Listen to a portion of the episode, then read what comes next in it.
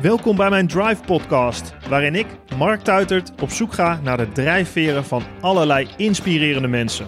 Van atleten, ondernemers, wetenschappers tot artiesten. Van straatjochie tot militair, leider, ondernemer en tv-persoonlijkheid. Met Ray Klaasens praat ik over leiderschap, opoffering en teamwork. Wat kunnen we leren van de momenten dat het er echt toe doet? Als het gaat om leven en dood, of als we het liefst zouden willen vluchten uit barre omstandigheden. Wanneer moet een leider afstand houden en wanneer moet deze toenadering zoeken? Ray vertelt erover in zijn nieuwe boek Groeipijn en hier bij mij in Drive Podcast. Luister naar en leer van Ray Klaasens.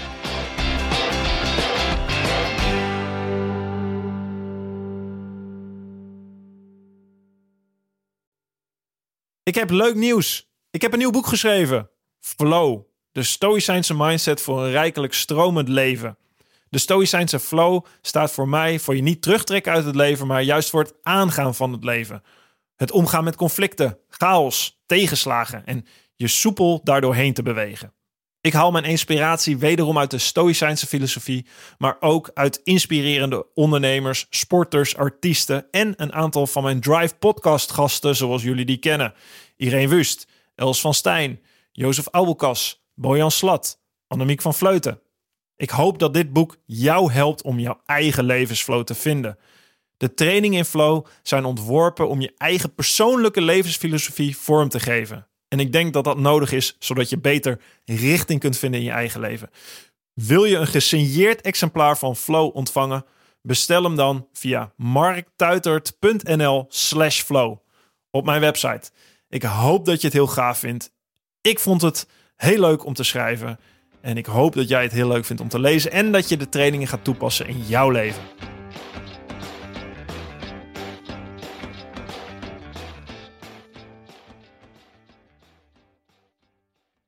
Gefeliciteerd overigens met je boek. Ja, Groeipijn. dat is echt leuk. Het is echt een, eh, ja goed, jij kent dat natuurlijk, maar ik kwam met die drukker. Ik denk, zo, het is best Het indrukwekkend. is gaaf hè, als je het ja, in je handen echt hebt. wel mooi, ja. ja. Wilde je altijd al een boek schrijven? Nee, nee, nooit. Nee. Dus eh, ik had denk ik al iets te vertellen, maar ik had niet zo de behoefte om het te vertellen. Niet op deze manier. Ja. En op een gegeven moment komt het dan, eh, komen er een paar mensen gaan vragen. Daar had natuurlijk een boek geschreven, Sander Aarts. Eh, Carter, eh, jouw eh, collega. ja, Kamp ja. Koningsbrug, Sander Aert, die ik overigens op de Drive podcast heb gehad. Ja.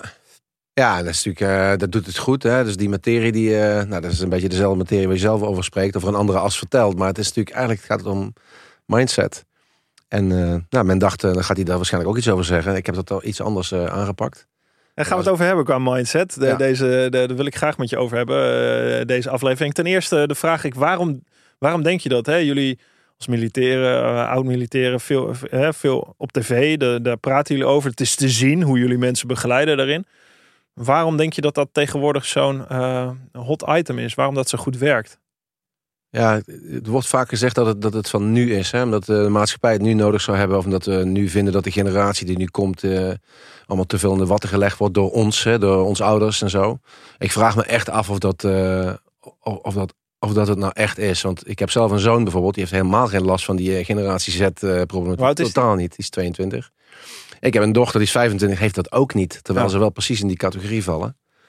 Ehm, en tegelijkertijd, ja, als er maar genoeg mensen dat zeggen, dan, dan zal er wel iets aan de hand zijn. Maar het, het is ook een beetje hoe we met elkaar erop reageren, denk ik. Eh, dus ja, en, en ik zeg wij, want onze generatie voedt dit soort, eh, deze generatie dus op. Het zijn onze Hmm. kinderen. En volgens mij zit een oplossing zit dus ook in ons en niet eh, in die generatie per se. Dus we moeten samen kijken van welke code is er nodig om, om dat te kenteren. Ja. En daar helpt zo'n boek denk ik bij. En niet om nou te zeggen van eh, vroeger deden we het zo. Nee, dit is voor al, dit, dit blijft altijd. Groeipijn gaat jouw boek over. Eh, dan mag je even toelichten. Hoe, eh, misschien is het leuk om even naar, naar de kleine reet te gaan. Naar, Ja, naar hoe jij überhaupt... ik vind het altijd fascinerend, helemaal met podcastgasten, dat je, je ziet vaak dat er zoveel uit een verleden komt, dat, dat daar alles begint. Volgens Ja. mij eindig je je boek ook met je zeggen, eigenlijk word je uiteindelijk wie je was in het begin. Wie was je in het begin? Waar kom je vandaan? Ja, ik kom uit een, eh, nou, uit een eenvoudig arbeidersgezin uit Helmond, uit de Volkswijk. Eh, ik ben eh, met, met mijn zusje opgegroeid. We schelen twee jaar. En tien jaar later werden er nog twee broertjes geboren. Nou, er was niet al te veel geld. Mijn ouders die hebben echt hun ontzettende best gedaan om ons op het rechte spoor te, te houden. Want er was geen vanzelfsprekendheid daar. Ehm, ik was van nature iemand die altijd om het hoekje wilde kijken. Uh, altijd op zoek was naar, nou ja, waar is hier wat te beleven, het avontuur. als ik om vijf uur thuis moest komen, dan was ik er natuurlijk nooit. daardoor ging ik veel liegen.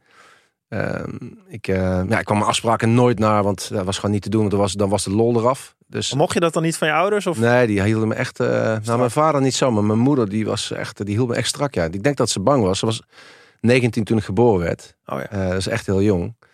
En als ik daar nu zo eens op terugkijk en dan mijn eigen kinderen die hebben die leeftijd al uh, een poosje gepasseerd, denk ik stel nou voor dat zij dus al vader en moeder waren geweest. Kun je bijna niet meer voorstellen. nee, dan denk ja, dan, dan snap ik hoe dat toen geweest moet zijn. Welke verantwoordelijkheid er eigenlijk op haar en, en mijn vaders schouder gerust heb, heeft. In een omgeving die, die echt wel een beetje lonkte om, uh, nou ja, criminaliteit weet ik niet, maar toch om de dingen te doen dat het wel op de loer ligt om het criminele pad op te gaan.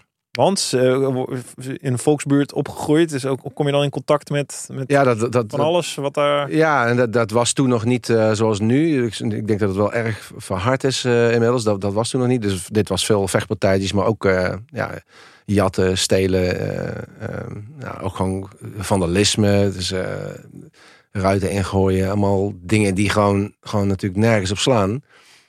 Maar die gewoon gebeurden. En uh, nou, een boel gezeik dus met, met politie en met school. En met, uh, ja, dat hielp gewoon niet. Ja. Zo was dat uh, toen. En tegelijkertijd uh, was ik ook een jongetje wat goed kon leren. Ehm, ik, ik, ik, zat op een school waar er twee jongens, waarvan ik er één was, naar de HAVO zijn gegaan. En de rest ging naar de LTS toen, hè, de lagere technische school. Ja. sommigen gingen naar de MAVO. Um, ja, ik, ik, kon nog wat beter leren en uh, moment naar het VWO gegaan. En uh, ja, dan kom je dus van een ander soort basisschool, lagere school, kom, je vandaan. En dan kom best wel een beetje een, uh, nou ja, school waar veel middenstandskinderen op zaten. En ook wel wat kakineuze types. En daar mm -hmm. kon ik mezelf totaal niet mee verhouden. Jij was een vreemde eend in de buiten ja. in een VWO-klas? Ja, heel erg, ja, ja. En dat heb ik, ik, misschien heb ik het wel zelf erger ervaren dan het eigenlijk was. Maar, hoe dan? Praatte je anders? Deed je anders? ik, ik me anders. mijn schoentjes die waren afgesleten. Hoe zag je eruit? Ja, kapotte schoentjes. En altijd een uh, net niet coole spijkerbroek, want die waren te duur. Dus ik had een, ja, zo'n zo'n domme spijkerbroek met van die wijde pijpen die je natuurlijk niet wilde dragen. Um, shirtjes, ook in de winter had ik vaak gewoon een shirtje aan. Hoe ik had een oorbelletje. Ik, ik, ik, nou ga ik, Kun je dat nadoen? Dat kan, ik, dat kan ik zeker nadoen. Ik, ik, ik praatte plat Helmonds. En voor mij was dat echt moeilijk om bij die lui allemaal aan te, aangeklikt te blijven. Um, maar ik deed mijn best. En daar viel, daar viel niet mee. En ik viel dus ook op. Oorbelletje.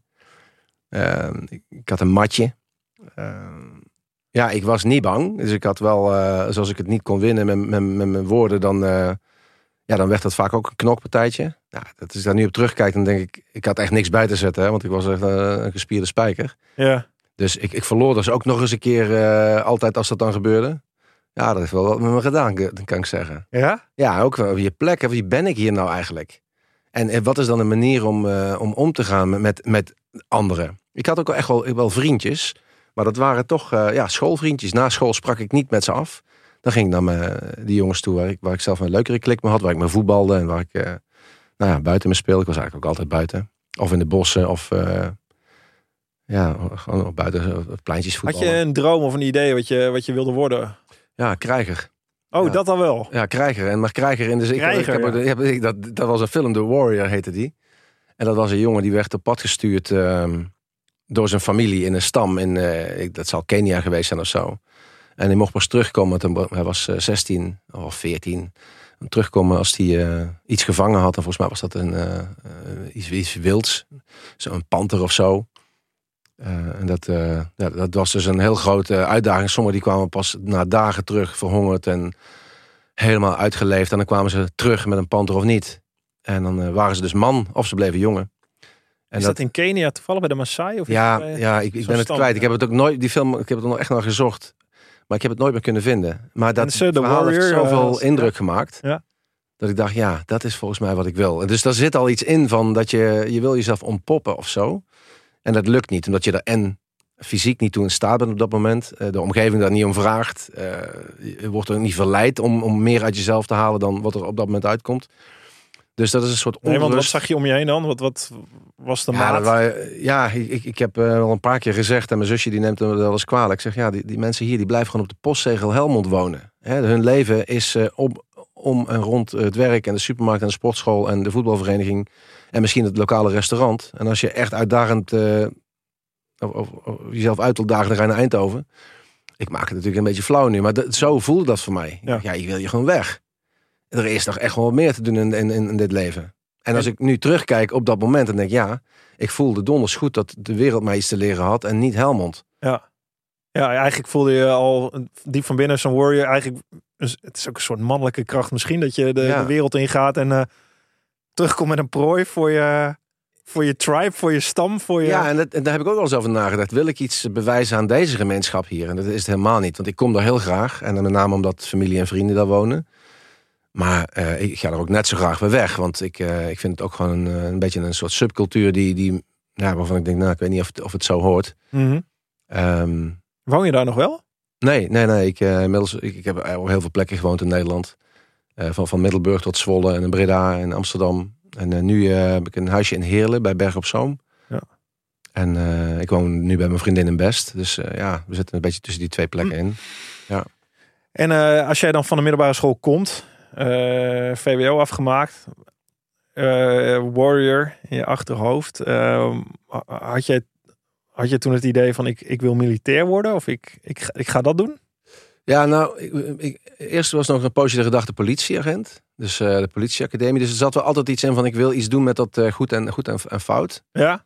Is dat een soort rechtsvaardigheidsgevoel achter ook? Ja, terwijl ik zelf toch, nou, ben niet echt eh, een, een- het braafste jongetje van de klas of zo. Dat is het niet. Maar Ja. er zijn grenzen, zeg maar, in eh, wat, wat, wat hoort. En, eh, en dat je dus als maatschappij optreedt als het niet klopt. En er zijn mensen die dat moeten doen. En er zijn mensen die mogen niet bang zijn. Die moeten durven. Als het moeilijk wordt, moeten ze erin stappen. Dus komen dat soort ingrediënten komen dan naar voren toe. Eh, dan heb ik me verdiept in de politieacademie. eh, omdat dat een beetje de richting was als je op VWO zat waar je naartoe zou gaan. Dacht nou, dat is eigenlijk ook een beetje leiding geven aan een politieapparaat is toch iets anders dan de politie op straat. Dus ik dacht van, nou, dit is volgens mij niet wat ik eh, moet gaan doen. En toen is de militaire academie eigenlijk in mijn eh, hoofd gekomen, waarbij datzelfde probleem er was. Ja, leiding geven aan militairen, terwijl ik eigenlijk zelf ehm, het werk wilde doen. Ja. En dat leiding geven, dat, ja, dat, dat begin, daar daar had ik eigenlijk niks mee. Mijn, mijn- Maar is dat dan omdat je van VWO komt, dat je naar een KMA gaat, dat je eigenlijk op wordt geleid tot leidinggevende? Waar je, is dat, is dat de disconnect een beetje? Dat je, dat je eh pinter bent, je, hebt, je, je, je, je komt door je middelbare school heen, dat je dan eigenlijk niet, dat je al voor je gevoel bijna te hoog wordt neergezet ten opzichte van wat je eigenlijk wil? ja, ja, ja, inderdaad, wat je wil. Niet zozeer wat je bent of kunt, maar wat je wil. Want ik wilde dat dus precies niet. Ja. En dat, dat is, een, ja, dit is, een- ik denk inderdaad dat het ook een disconnect is. Want ik moest dus een stukje vanuit mijn verleden, moest ik gaan soort van repareren in mijn hoofd. Met naar waar ik, wat mijn toekomst zou worden. Er zat gewoon een soort, er zat geen verband tussen. Ja. Ik had niks met, ik had nooit voorbeelden in mijn omgeving van mensen die leiding gaven. We hadden geen ondernemers in de familie, geen bazen, geen directeuren, helemaal niks. Waren allemaal mensen die het werk deden of die, eh, of die niet meer werkten omdat ze eh, in- in de WW zaten Ja. of wat dan ook. Ja, dus dat is toch wel een andere omgeving. Dus ik ben daar niet geïnspireerd. Ik moest Nee. dus eh, uit, uit de warrior halen. als het ware. Niemand Ja, leidde Ja. per se. eh, en, dat vond ik, en, en daar zit dus een later pas, dat, dat wist ik toen natuurlijk niet, maar er zit een enorme kracht in om te weten van wat betekent het eigenlijk voor de mensen die volgen. Wat, wat werd er bij ons aan de keukentafel besproken mhm. over de baas en over de ondernemer of over de, de chef of de, de dienstdoend eh, manager. En, wat was dat? Ja, dat, dat was vaak toch ook wat. ehm, ja, je hoorde gewoon welke eigenschappen toebedeeld werden aan mensen die het in mijn ouders ogen goed deden. Wat was dat? Ja, dat, dat, dat- die voor hun mensen zorgden. Die oog hadden voor hen. En dus niet per se alleen maar voor eh, de taak zoals ik dat nu omschrijf. Maar die dus ook begrijpen van, ja, alleen zijn we niks. We moeten dit met elkaar doen. En mijn vader die heeft een hele poos bij een stratenmakersbedrijf gewerkt. Daar heb ik zelf een poosje eh, stage gelopen in de zomervakantie na het VWO. Een week of zes. En een beetje in die, ik, ik vond dat heerlijk. Ik had dat zo kunnen blijven doen. Omdat ik die, dat werken en dat harde werken en een beetje die, die wat rauwere cultuur. Ik vond het echt prachtig. Maar dan zag je ook hoe dus de voormannen en hun directeuren met elkaar omgingen. En wat maakte nou dat die sfeer zo goed was? Ja, dat was gewoon een, een, een chef of een, eh, mijn oom die gewoon de mensen zag staan. En er is ergens een zaadje geplant van als je dus als je leiding wil geven, dan moet je oog hebben voor je mensen. Want dan komt de rest vanzelf wel. En dan moet je natuurlijk nog een heleboel dingen goed doen. En je moet wel het beste uit die mensen halen. Ehm, maar Dat daar is dat wel gaat het om gezien worden. Of dat je mensen echt ziet. Te- eh, dat ze meetellen. Ik, ik Ja. zeg nu, je moet zuinig op ze zijn. Hè? Dus eh, niet lief of hard. Nee, zuinig. En dat betekent dus dat je, dat je ze niet kwijt wil. Maar dat je er ook het beste uit wil halen. En dat ze, als ze dus echt hun best doen. Of harder werken of overwerken. Of dat soort termen. Die komen natuurlijk in de, in de bouw dan verder naar voren. Dat je dan eh, dat je achteraf altijd een fijner gevoel hebt dan daarvoor. Dus dat overwerken, dat, dat lijkt eh, een extra ballast. Totdat je bezig bent en het biertje daarna pakt. Dus er zit altijd een soort connect tussen ervoor en daarna. En dat is, dat is een soort. ehm, die twee zijn ontzettend met elkaar in harmonie. Maar de me- meeste, meeste mensen gaan het aan de voorkant niet aan. Waardoor je dat, die euforie aan de achterkant nooit gaat voelen. Ja, ja oké. Dus eh, als, je- als je nooit aangaat, dan bedoel je ja, of eh, en een stap extra zetten of overwerken of Ja. andere dingen. Nee, nee, laat maar. Daar, hè, daar word ik of niet voor betaald, of hoort niet Zo, mijn taak. ja. Laat maar. Ja, dat En ja. daarmee missen ze eigenlijk de kans om dat wel te doen. En dan uiteindelijk ook gewoon eh, inderdaad de meest, ja, ik ken het ook met topsport ook. Hè, de, de, de, meest, de, de dingen die je het meest vervullen zijn vaak als je na afloop ergens door de modder bent gekropen. Of als team een hele zware training hebt gedaan. Of een hele moeilijke wedstrijd hebt gehad. En Zeker. na afloop denk van wow, dat was vet. Ja. Was het moeilijk? je- Ja, maar dat precies. was ook heel gaaf. Ik Ja. kan het. Dat kweek je zelfvertrouwen mee. Nou, volgens mij is het gewoon een wetmatigheid. Het is, dat is, dit is wat er gebeurt. Ja. En eh, als je dat dus met elkaar doet, dan ontstaat er dus energie tussen die mensen, waardoor dat team dus sterker wordt. En dit is dan volgens mij wat de essentie is van, van leiderschap. Hoe krijg je het beste uit een team? Ja. Is om het niet alleen maar op output te focussen en wat je, aan, eh, wat je op de mat moet leggen. Maar te kijken, hoe krijg je die verbinding sterker? Maar dat wist je toen nog niet. Toen je uit niet. VWO kwam, dacht je, toen had je, je hoorde het. En dit Sterker is nog, het is nu de eerste keer dat ik erover nadenk van hoe dat toen werkte eh, op die bouwplaatsen of hoe mijn ouders over leidinggevers spraken, omdat ik daar nooit, nooit bij stilgestaan. Maar ik weet nu van ja, dat is, ik, ik dicht die, eh, dat inzicht namelijk toe aan een rolmodel wat ik bij Defensie eh, heb leren kennen. Eh, de commandant van het Korps die dat, die dat ook echt deed, Otto van Wegge heet die. Die, dus die zei eigenlijk met zoveel woorden van de mens is je kapitaal. Dus daar, daar draaide het om. Die wist van iedereen in de eenheid eh, de voornaam, wat er achter de voordeur speelde. Die was er op de momenten dat, die, dat je er moest zijn.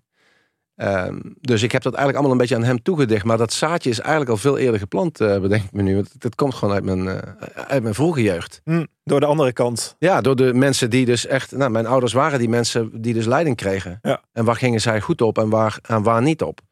Gaaf. Ja. Ging, de, de, ging jouw ouders... Hadden ze plezier in wat ze deden? Of waren ze vervuld in wat ze deden? Nou, nou ze, ze waren erg plichtsgetrouw. dus ehm, en dat heb ik ook daar meegekregen. Ja. Eh, ziek is ziek, maar ehm, dan moet er wel wat aan de hand zijn. En afspraak is afspraak, dat komt echt daar vandaan. En op tijd is op tijd. Dus al dat soort ja, basisprincipe dingetjes, die komen toch wel bij mijn ouders vandaan. En zeker bij mijn moeder. Hm. Eh, maar vervuld, eh, ik denk dat ze gewoon werk hadden. Ja. En ook blij waren als ze klaar met werken waren. Want Wat ook oké die werkte om te leven. Ja, zeker. Ja. En ik, ben, ik, heb dat, eh, ik herken dat dus totaal niet. Nee, nee ja, ik ook niet. Alleen dat Nee. zijn ook generaties natuurlijk. Ja, ook. Misschien voor ons die dat, wat het nog veel meer gold. Hey, en je, je kwam niet meteen terecht waar je heen wilde, toch? Binnen, binnen het militaire apparaat, om het maar even zo te zeggen. Ehm, Wat zijn de pogingen die je, die je hebt ja, gedaan? ja, ja, ik heb inderdaad een paar pogingen gedaan. Ja. Ik Dat heb, schrijf je eh, over in je boek. Ja, de- de- toen hadden we nog allemaal een, eh, een soort televisiegids. En daar stond dan vaak zo'n coupon in om F-16 vlieger te worden. Oh ja, die had ik ook. Die wilde ik ook. Heb jij hem ook Ik uitgekregen? heb hem ingevuld, ja. Ja, ik ook. Ja. Ik, ik heb hem F-16 ook ingestuurd en op, ik dacht, ik, ik was het al, hè? Mijn hoofd was ik het al. Ja, ja, ja. Ik, ja, ik was het al. Ja. En ik kreeg inderdaad, want waarom was ik het al? Ik kreeg namelijk zes ehm, ja, foldertjes thuis van, eh, van hoe de opleiding eruit zag en wat het werk inhield en hoe het apparaat eruit zag waar je in ging vliegen. Nou, ja, ik hoef alleen nog maar vier keuringen te doen en dan is het klaar. Maar goed, dat, eh, dat zag er allemaal wat anders uit, want ja, dat was een enorm fiasco eigenlijk. Eh, ik had gewoon eigenlijk gewoon geen ruimtelijk inzicht, of, of heel goed, maar ik had net even wat verkeerd geïnterpreteerd. Waardoor ze zeiden, nou, misschien is het beter dat we jaar niet in een F-16 stoppen. Toen wilden ze me wel in een, in een verkeers, eh, voor op gaan leiden. Ja. Ja, ik, ja, jullie zijn ook niet helemaal lekker. Want eh, ruimtelijk misschien moet het nog inzicht. wel meer. eh. Nee, dus ik heb dat, eh, dat spoor, dat heb ik toen van wel gezegd. Hm. En toen heb ik nog een poging gedaan bij het Korps Mariniers. Dat is misschien leuk voor alle Hm. luisteraars die, die dat korps hoog hebben staan. Dat heb ik overigens zelf ook. Maar daar was ik gewoon te jong voor. En ik had echt nog helemaal geen kaas gegeten van doorzetten. Ik was veel te zacht. Dat idee had ik overigens zelf niet. Dat was een blinde vlek zo groot als een garagedeur. Ja, ik was gewoon helemaal niet in staat om, ehm, om om te gaan met die druk en met dat, dat schreeuwerige masculine wereldje. Ik dacht dat ik uit een hele harde wereld kwam. Namelijk die... Volksbuurt, Ja, straat. nou, kom maar op. Kom maar. Nou, ik echt Nee, maar hoe ging dat dan? Niks. Ja, hoe ging dat? Ik had... ehm, eh, het was een tweedaagse test. Dus het, het was, stelde ook nog niet eens iets voor. Hè? Het was gewoon een soort selectietest. Van, van ben je opleidbaar tot, eh, tot marinier. En dat, eh, dat gebeurt dan op de Vergentkazerne in Rotterdam. Daar kom je s ochtends aan. Dan krijg je in stijl ehm, heel snel je spullen uitgereikt. Je moet, eh, nou, dat is allemaal al een hele nare sfeer. Als je, dat vind ik nu niet, maar vond ik toen. Eh, snel een briefing. En dan begint het eigenlijk met ehm, een soort conditieproef. Met wat opdrukken, sit-ups, pull-ups, eh, een Cooper-test. Dus 12 minuten rennen. Ehm, ja, dat ging nog niet zo heel slecht, denk ik. Want dat, is, dat, dat, eh, dat had ik al door. Maar daarna gingen we dus de hindernisbaan op. eh, een soort modderparcours op de, onder de Van Brienenoordbrug. Eh nou, daar, daar had ik echt niet... Ik, wist niet wat me daar gebeurde. En het ergste vond ik denk ik nog wel dat... eh nou, we lagen een uurtje of elf op bed. Was ik echt helemaal... lag ik er al goed af. Beoordelingen waren ook slecht. Hè. Je kon dus eh, A tot en met D, laten we zeggen dat D heel goed was. Ik had dan zeg maar alles A of B, dus echt, echt niet best. En dat zat niet zozeer in prestaties, maar in gedrag. Dus eh, Wat dan? ja, eh, eh, snel piepen, eh, achteraan lopen, m- medelijden met jezelf hebben. Dat gewoon geen berichten opvolgen die, die dus niet meer na kunnen denken terwijl er inspanningen gedaan moet worden. Of in ieder geval niet blijk geven dat je na kunt denken. En toen kregen we 's ochtends om vijf uur, denk ik, of zo. ja, toen werden we het bed uitgerammeld en toen lagen we om, om half zes of zo in het zwembad. Met een soort zwemproef. Dat is een hele bekende binnen Defensie. Dat is best pittig. Eh, als ik dat nu over nadenk, dan denk ik, ja, zo ingewikkeld was niet. Hm. Toen dacht ik echt, nou, ten eerste, ik ga hier verzuipen. En ten tweede, ehm, als ik hier het zwembad uitkom, dan eh, ga ik naar huis. Want die, lui, die, zijn, die zijn niet lekker hier. ja, dat is ook letterlijk zo gebeurd. Ik, eh, ik heb nog ontbeten en ik heb het toen afgemeld. Het liefst had ik gewoon de kazerne afgelopen en naar huis gegaan. Ik vond het toch veel te lang duren, twee dagen. Ik was al een nacht van huis, dus ik had ook een nou, een groot woord, maar ik kwam naar mijn vriendinnetje toe. En hey, als je dus slecht voelt, dan heb je iets van troost nodig. Ja.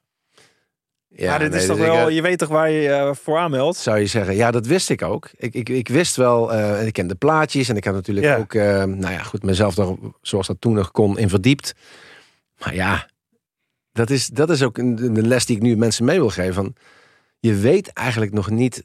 ehm, je, je kunt niet in één keer naar een soort. Als, als mensen nu van mij een snapshot zouden maken. Van dit is wat, je, wat jij nu bent. En god, dat, dat zou een droom voor me zijn. Daar zijn stapjes voor nodig. En mijn stapjes eh, waren er misschien wel meer dan bij een ander. eh, Omdat die gewoon wat, wat, wat sterker van karakter zijn. Maar ik heb er echt gewoon mijn tijd voor nodig gehad. Ehm, maar ik ben nooit. Ik, ik- ook daar bij die mariniers heb ik niet gedacht. eh, Je komt dan terug bij je vrienden of bij je ouders. En dan ligt het in eerste instantie ligt aan iedereen. Ja. Dus if- ik heb overal alles. Nou, de anti-stoïcijns gedachtegoed zou je kunnen Ja, zeggen. ja, ja.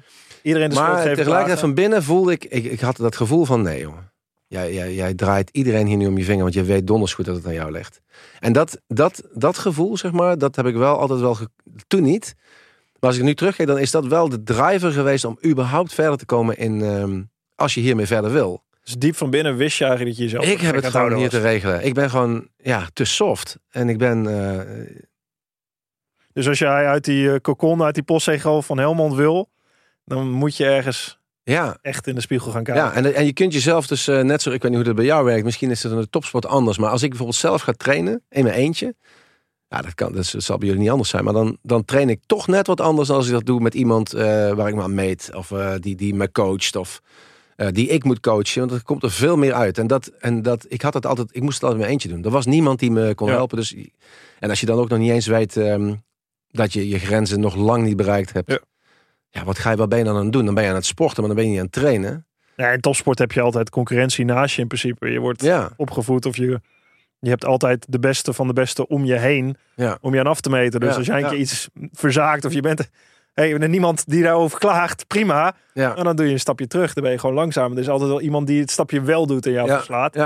Dus eh, de keuze is aan jou om mee te gaan in dat Ja. stapje. Of eh, te denken, hey, doe je. Maar ja, dan weet je één ding. eh, dan ga je niet winnen. ja, plek weg. Ja, Ja, en dat is waarom topsport zo confronterend is en waarom het om winnen draait. Hè, natuurlijk, om te winnen moet je heel veel dingen goed krijgen. En al die dingen, ja, dat is confronteren. Dat is alleen maar Ja. met je billen bloot gaan. En dat maakt het soms ook inderdaad hard. Ehm, en dat is wel wat jullie mooi laten zien, ook met het kamp van Koningsbrugge, denk ik. Dat, dat, dat eh, de hardheid is niet bedoeld om iemand af te fikken per se, maar om iemand juist eh, te confronteren. Eh, om, Ja. om, om, om om te groeien, om te kunnen groeien, om dat überhaupt te kunnen doen. Ja, als hardheid nodig is. Hè? Want soms is het juist eh, een heel erg begripvolle eh, be- benadering. Die, die maakt dat iemand kan groeien. Want als er een blokkade overwonnen moet worden. En dan moet iemand eerst gezien of begrepen worden. Maar dat moet je wel aanvoelen. Ja, ik denk dat eh, als ik jullie volg, dat, het, dat, eh, dat, dat jullie er iets verder in zijn zelfs. In topsport wordt dat vaak nog eens vergeten. Een arm om de schouder even, hey, hoe is het met je? Eh, ja.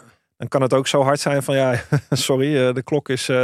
Ja. zeg dit. Hè, dat is dan een soort scorebordjournalistiek. Ja. En als je, hè, er zijn natuurlijk genoeg talenten die het op dat moment niet kunnen, maar misschien even een andere aanpak nodig Ja. hebben. Als inderdaad de hardheid, maar even, hey, wat is er aan de hand en hoe is het met je? Ja. Dat wordt vaak genoeg vergeten. Hoe ben jij trouwens bij, hoe, hoe ben je even naar de, naar, de, naar de militaire academie? Hoe ben je er uiteindelijk wel beland? Waar, waar Ja, dat was ik. stond uh, ja, ook dat. Het lijkt wel of het allemaal zo geanceneerd is. Maar ik, uh, ik, ik, wilde daarna, nou goed, na die mariniers ben ik naar de militaire academie gegaan. Stond ik op de reservelijst, want ik had, uh, ik, nou, ik zag er dus uit zoals ik eruit zag. En, zij, ja, binnen zij, zagen, nou... zij zagen geen officier voor zich. En had ik mijn best gedaan. Hè, om, ik had natuurlijk een colbertje aan. En, Nog steeds een matje? Nou, dat, dat, dat weet ik niet. Het oorbelletje heb ik ja. zeker uitgedaan. Want ik snapte ja, ja. wel wat nodig was, maar ik was het niet. Je dat klopt er niet helemaal. Nee, ook, ook wat ik uit. Uh, um, ik, ik, had gewoon wat weinig uh, algemene ontwikkeling. Um, kreeg ik ook niet per se mee van thuis. Hè, van wat gebeurt er nou in de wereld? Of uh, hm. hoe kijk je aan tegen naar bepaalde politieke kwesties of defensiekwesties? Nou, ik had gewoon totaal geen idee van. Ze hebben wel mijn best gedaan, maar dat, dat was on, onder de maat. Maar de rest was allemaal wel oké. Okay, dus ik kwam op de reservelijst. En toen heeft iemand in Nederland zijn eindexamen niet gehaald. Dus uh, ja, dat was mijn gelukje. Dus ik werd geplaatst bij het Wapen Genie. Dat is een technisch, technisch onderdeel van Defensie. De weg- en waterbouw zou je kunnen zeggen. En daar ben ik uh, mijn carrière begonnen. En uh, ik vond het uh, niet makkelijk. Ik heb best wel een pittige tijd gehad, ook op de militaire academie. Ik was denk ik een beetje middenmoot, misschien wat onder de middenmoot. fysiek had ik al wel wat bij te zetten, want ik ben wel echt wel wat gegroeid in die tijd. Maar mentaal nog niet zo heel veel. En met name, ik was slim genoeg. Ja. Maar om het toe te passen, zeg maar, in een groepsproces of om het leiderschap te ontwikkelen, dat, uh, dat ging ik uit de weg. Want dat vond ik veel te spannend. Want dan moet je in, hè, dan sta je op de bok. En dan is het aan jou om uh, die tent te sturen. Dus dat, uh, daar waar ik in mijn capuchon kon duiken, deed ik dat. Word je daarop uitgedaagd of getest? Moet je dan ja. op een gegeven moment op, op die bok gaan staan en zeggen: Ik kan me voorstellen bij de ingenieurs dat je iets moet gaan bouwen met z'n allen? Ja, ergens? zeker zo. Ja, het is in het begin is het algemeen. Dus je zit dan met alle richtingen bij elkaar. En iedereen krijgt zijn beurtje volgens een boekje. Iedereen moet natuurlijk gewoon laten zien wat hij in zijn mars heeft. En uh, wordt er ook in geholpen. Dat, het zit echt best wel goed in elkaar allemaal. Maar je, je kent het wel, hè? Van, uh, oké okay, jongens, wie, uh, wie pakt hem als eerste op? Ja. Nou, gegarandeerd niet dat ik mijn vinger op ging steken. Ja, ja. Dat soort dingetjes. En dat hebben natuurlijk veel meer mensen. En er zijn ook mensen die dat wat makkelijker doen. En nu, ik wil niet zeggen dat dat de beste leiders per se zijn. Helemaal niet. Nee, dat zegt iets over ja, hoe expressief ben je. Of ben je extra, extra, ja. extravert. Of die dingen. Maar dat is nog iets anders dan dat je het gewoon echt uit de weg wil gaan. En kleine opdrachtjes was tot daar aan toe. En toen heb ik op een moment een keer een, een leermoment gehad... dat, uh, dat ik uh, sturing moest geven aan een man of 70 zal het zijn geweest. En die beurt die kreeg ik dus uh, tegen wil en dank in mijn schoot geworpen. Nou, toen heb ik wel, nou ja, ik zou dan zeggen, een aap zien neuken. Dat, nee, dat was echt de slechtste nacht tot dan toe in mijn leven. Het waren er drie.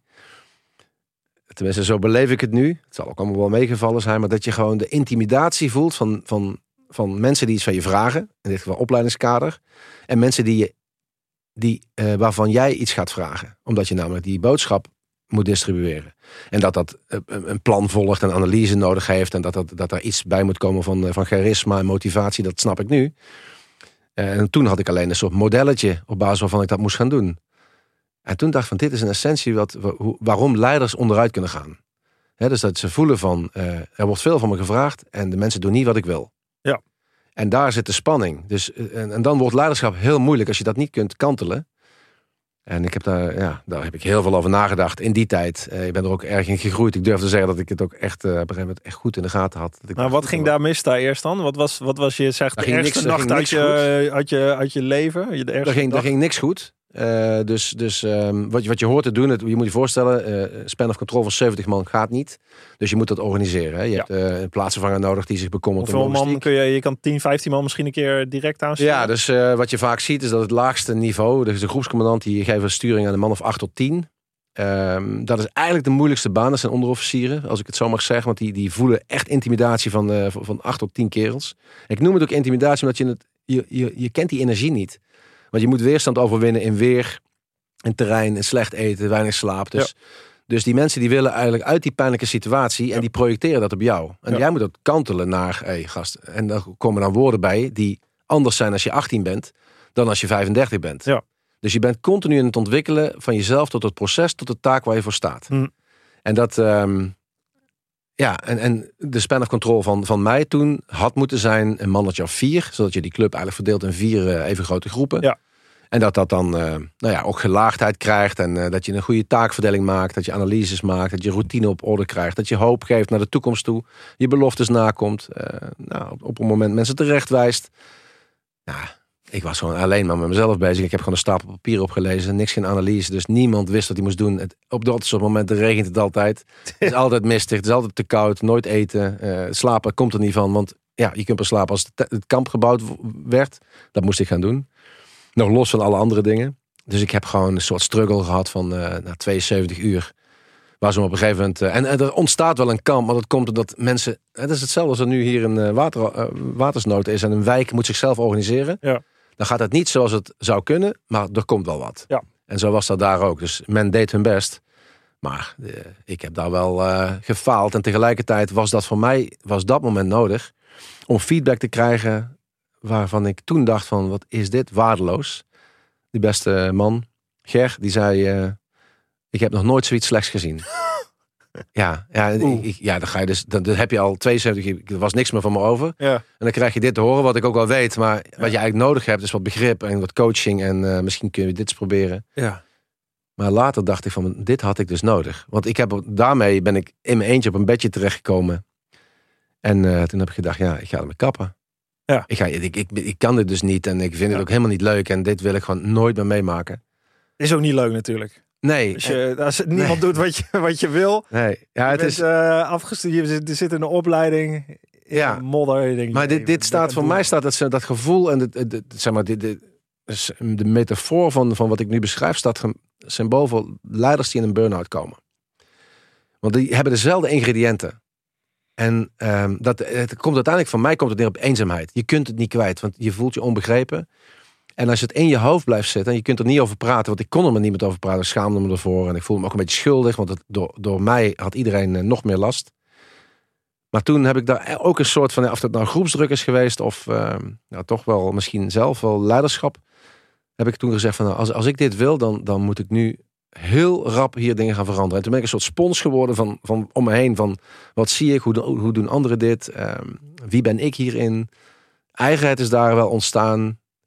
En maar ook vastberadenheid, een beetje verbeterheid misschien wel. Ja, ja.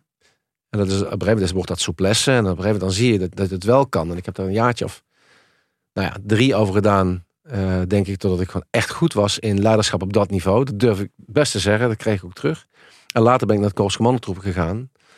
Ehm, ja, en daar ben ik op een gegeven moment eh, als, als beste uit die opleiding gekomen. Terwijl ik leidinggevende was. En ja, ik had op een gegeven moment, ik had gewoon in de gaten hoe dat werkte. Is ergens een knop omgegaan. Echt, dit, dit, is, dit is te leren. Ja, dat hele doen. traject dat duurt zes jaar bij mij. Dus in zes jaar tijd ben ik van, nou ja, ik durf te zeggen van iemand die totaal niet snapte wat dit nou eigenlijk om Ja. ging. Tot zover komen dat je dit ook in extreme situaties in een speciale operatie, dat zijn complexe omgevingen, waar ik ehm, ehm, ja, echt wel als met leiderschap het verschil maakte in een operatie. Het is wel grappig wat jij dus zegt. Eigenlijk is eh, leiderschap best wel te trainen. Want, want er komen natuurlijk heel veel mensen in soort situaties ook wat ze niet verkiezen. Of je wordt ondernemer eh, en je, je bedrijf groeit en je hebt in één keer mensen onder je eh, en je, reageert. Dat, dat heb je niet, daar ben je niet voor gemaakt of dat heb je niet gewenst. Of, of misschien heb je het wel gewenst, maar je bent er in ieder geval niet voor opgeleid, getraind. Hoe, hoe is dat te trainen? Hoe kom je op dat punt waar jij kwam dat je zo van, hey, shit, dit, dit moet ik leren. Dit is iets wat bij mezelf zit. Ja. Ja, hoe kom je daarop? Je komt, ik, ik kwam er dus achter door het mee te maken dat ik het niet kon. Ehm, dus volgens mij kun je alleen maar leren leiden door eh, in situaties te komen waar leiderschap nodig is. En erachter te komen, ehm, ja, een aantal ingrediënten, maar dat je dus ehm, nou, dat je bij jezelf durft te blijven, dat je naar je gevoel durft te luisteren. Eh, wat het voor mij in ieder geval niet is, dat zijn de, nou ja, zeg maar, beetje de, hoe zeg je dat? De boekjes en de methodes en de goeroes die vaak schrijven over leiderschap. Ja. En van waar leiderschap uit bestaat en welk type leiderschap er is. Dat is wel goed om te begrijpen wat er nodig is, maar daarmee leer je geen leiding geven. Dan, dan leer je wel mee wat de, de, de ingrediënten van leiderschap zijn. Ja, je bedoelt hè, de, de, de, titels die er aan zouden... Ja, eh, maar ook welke stappen. Of, of, ja, goed, of je nou Stephen Covey eh, erop naast Ja. staat. Natuurlijk, het is allemaal waar wat er staat. Maar door het te weten kun je nog geen leiding geven. Dan weet je alleen waar je op moet letten. Mhm. wat, wat helpt natuurlijk. En Ja, ja dan ben je eigenlijk gewoon zoals jij omschreven met het papiertje voor je neus. ja, Sta je dan, Ja. ik heb gelezen over leiderschap. ja, Eh, ik weet wat de modellen zijn. eh, maar dat is iets anders dan ga het maar eens doen. zelf. Je brengt doen. jezelf erbij in. Ja, want het is ook zo dat, dat elke, als ik nu naar mezelf kijk, in elke situatie waar je leiding geeft, is het is altijd anders. De enige die zich continu aanpast, want dat is het ook, aan de situatie en wat is nu effectief, dat ben je zelf. Want je voelt dat namelijk. Het is niet iets wat je kunt beredeneren. Je voelt van, hé, hey, ik ben nodig. Ik heb het dus ook niet Ja? over managen. Hè? Dus- Heb je daar een voorbeeld van? Dat je in een situatie zit wat, wat dat gevoel bij jou doorslaggevend was? Dat je... Ja, zeker. Zeker. Misschien nog één stapje terug. Ja? Dat, eh, als je onderscheid maakt eh, binnen leiderschap tussen dat wat te managen is en dat waar, waar leiderschap nodig is, dan is managen voor mij dingetjes die je, die je beredeneert, die je weet eh, om, om, om synchronisatie te krijgen in tijd, middelen en ruimte. Hoef je niet voor op de voorgrond. Dan kun je bij wijze van spreken vanuit, de, vanuit WhatsApp of vanuit een mail Organiseert het kun je dat zich voor je team. organiseren. En dat is een onderdeel, die heeft elke leider, is 90% van de tijd hiermee bezig. Ja. Maar leiden is voor mij dat je voelt van er is nu iets nodig. Ik ben nu nodig. En dat gevoel dat begint met een vervelend gevoel. Dat is een soort knoop in je maag. En, waarbij je, en eigenlijk dat je denkt van shit, ga ik het doen of ga ik het niet doen? Omdat je, het, het is spannend. Je, je zult naar voren moeten stappen. Je stelt jezelf dus daarmee kwetsbaar op. Eh, en in één keer heb je het gedaan. En dan is er iemand die, wat, die komt wat brengen. Die komt energie brengen in het geheel. En daarmee ga je eigenlijk de, ehm, de andere mensen ga je een soort eh, code meegeven. Van dat je eigenlijk eh, weerstand die ze niet willen overbruggen, dat je die wel gaat overbruggen. Want alleen als de machine vastloopt, ben jij nodig. De rest kun je nou managen, want er zijn die processen voor bedacht. Maar zodra die vastloopt, betekent dat er iemand moet gaan kiezen. Wat gaan we anders doen? Wat gaan we niet meer doen? Of waar gaan we meer van doen? En dan kom je eigenlijk in alle rollen, taken en verantwoordelijkheden van de mensen aan wie je sturing geeft. Je gaat dus zeggen van wat je eigenlijk zou gaan doen, gaan we niet meer doen. Want dat werkt nu niet. Ik heb namelijk het overzicht. Het loopt vast. We hebben te weinig van dit of te veel van dat. Ik wil dat je iets anders gaat doen. Maar dat roept frictie op bij sommige mensen. Sommige mensen kunnen daar heel goed mee. En dat zijn de probleemoplossers. En die gaan hier eh, die gaan je ook heel, heel erg helpen. Dat zijn een beetje jouw ambassadeurs van je, van je leiderschapsboodschap. Is- Eh, meer dan de helft van het team zegt, hey, ik heb het altijd zo gedaan. Ik denk Uit de weg, 80%. joh, met je praatjes. Precies. dat, dat is wat je gaat krijgen. Mhm. En, die, eh, en daar, daar ligt je werk dus ook. Dus je werk ligt eigenlijk om te zorgen dat, dat niet dat je je oren laat hangen naar ehm, wie kiest er voor oplossing A. Nou, dat zijn 80%, dus we gaan oplossing A doen. Nee, je hebt ergens iets meegekregen van bovenaf. Eh, en die boodschap die ga je vertalen, zodat die van jou wordt. En dat je daar eh, eigenheid in kwijt kunt en ook echt eigenaarschap over kunt nemen. En dat je vervolgens zegt, en we, er zijn er maar 20% is maar voor, maar we gaan het toch doen. En dat je vervolgens de mensen uit gaat leggen waarom je dat gaat doen. Zonder op je strepen te gaan staan. eh, maar dat je het woord eigenlijk, ehm, nou ja, het woord eigenlijk het werk laat doen.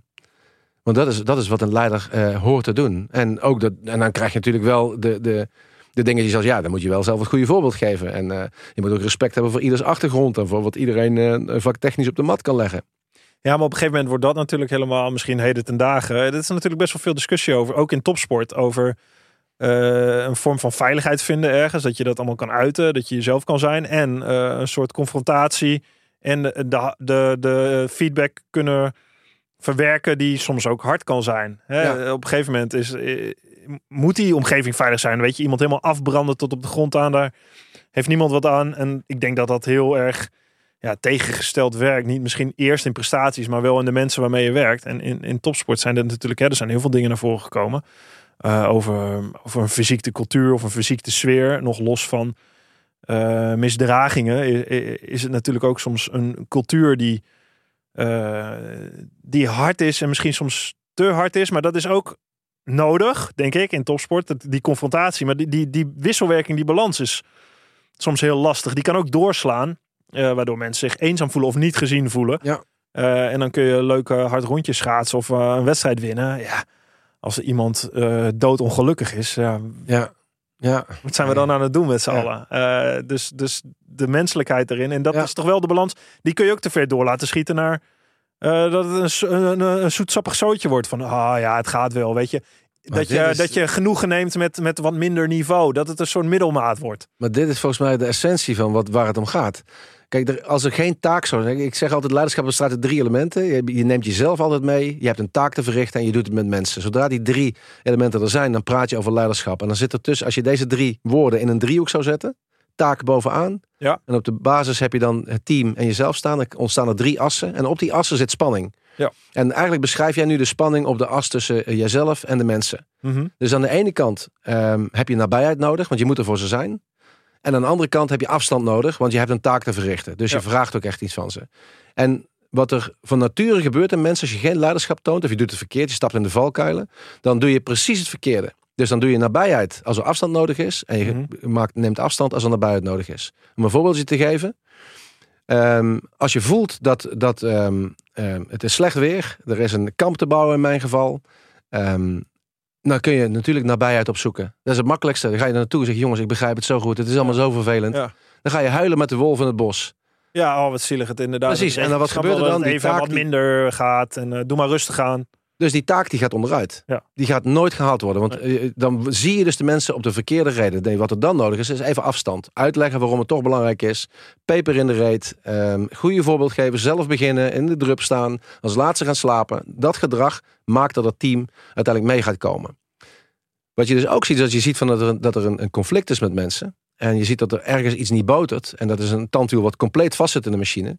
Ja, dan is er nabijheid nodig. Maar dat is eng. Want dan moet je sociaal en communicatief moet je een interventie doen. En je gaat jezelf dus mengen. En dat doe je dus vanuit compassie, vanuit begrip, vanuit luisteren. Wat, dat vaak, wat we vaak zien is dat we dat proberen op te lossen met afstand. Ja. Dus dan gaan we zeggen van eh, dit werkt niet hè. Dit moeten we anders doen. En eh, zo gaan we het nooit redden met elkaar. Ja, maar er is wel een issue hier. En Ja. je bent wel even nodig om te kijken van... hé, hey, hoe gaan we dit dan polijsten of schu- eh, dat dat niet meer dan? zo schuurt? Trek je iemand erbij of daar, eruit? Of? Ja, dat is in elke situatie natuurlijk anders. Maar eh, volgens mij begint het met luisteren. Eh, en ook gewoon voelen van, maar wat, wat hè, want je kent de geschiedenis van mensen, je kent de karakters. Ja. Je weet waar Nou het ja, daar je, vandaan komt. daar heb je al in verdiept. Dat is ook een onderdeel Zeker. van dat. Onder, onderdeel van leiderschap, denk ik. Ja dat, ja, dat zeg je makkelijk. Maar dat is denk ik wel waar ook veel dingen op verkeerd gaan. Dat je niet de achtergronden weet of dat je niet de persoonlijke situatie. Zeker. Daar ging Louis van Gaal altijd zo prat om natuurlijk. Ook begrijpelijk met, met een Nederlands elftal eh, wat hij onder zich had. Dat Ja. hij, hè, totaal mensprincipe noemt hij dat dan. Dat, Ja. hij, dat hij weet wat er speelt bij mensen. Omdat dat natuurlijk van invloed is op je Ja. dagelijks werk. Helemaal als er hoge druk is. Helemaal, ik zie met, in sp- topsport zie je het ook. Hè, de, de haarscheurtjes ontstaan op een Olympische Spelen. Dan zeggen mensen altijd, hoe is dit in godsnaam mogelijk? Ja, hoe is dit in godsnaam mogelijk? Je hebt getraind in een situatie. Alleen, dit zijn de Olympische Spelen die één keer in de vier jaar zijn. Dat is bijna niet voor te trainen. Die druk is zo immens. Als niet, als daar al een kleine scheurtjes zitten, Dan worden er grote scheuren. dat Ja, gaan ja. grote scheuren worden. Die gaan daar bre- eh, breken. Die gaan daar barsten. Ja, dus aan de voorkant zou je, dit weet je. Hè? Dus als je nu een club zou coachen die, eh, die naar de Olympische Spelen gaat, dan weet je dat het zo werkt. Dus dan moet je kijken van hoe ga ik ervoor zorgen dat de verbinding tijdens die Spelen zo groot is, dat we, dat we cohesie hebben in plaats van dat we de, die, nou ja, volgens mij Ja. is dit jouw, eh, jouw filosofie hè. Ja. Van hoe zorgen we dat we met elkaar de kracht in onszelf vinden. En Ja. dan kan die druk zo groot worden, maar wij zijn sterker. Ja, ik omschrijf ego. e- als je ego groter wordt eh, dan je teambelang, dan heb je een probleem. Ja. Wat natuurlijk in, in topsport, ik denk meer, veel meer dan bij jullie eh, in het militaire apparaat eh, het geval is, is dat we natuurlijk uiteindelijk ook elkaar moeten verslaan. Terwijl jullie in een oorlogssituatie altijd er voor elkaar zouden moeten zijn. En daardoor krijg je vaak dat de, de, de ego's, als die iedere dag het overhand nemen eh, en iedere dag van elkaar willen winnen, dan vervalt de cohesie. En dan help je elkaar niet meer. Terwijl je iedere dag elkaar helpen, dat brengt je naar een hoger level. Hè? In een, wij schaatsen in een treintje, we helpen elkaar. Ja. Eh, dus dat, die, die dynamiek. eh, en ik ga, maar, ik ga ervan uit dat, dat hè, het zal bij militair ook wel zijn. Helemaal met mannen die, hè, die, die inderdaad wat jij zei, de, de, de warriors die, ja, die, die, die iets meebrengen. Dat is, dat is ook ergens toch een ego ding. Dat is ook iets wat je... Ja, dus, diep van binnen is dat, is dat ook echt zo.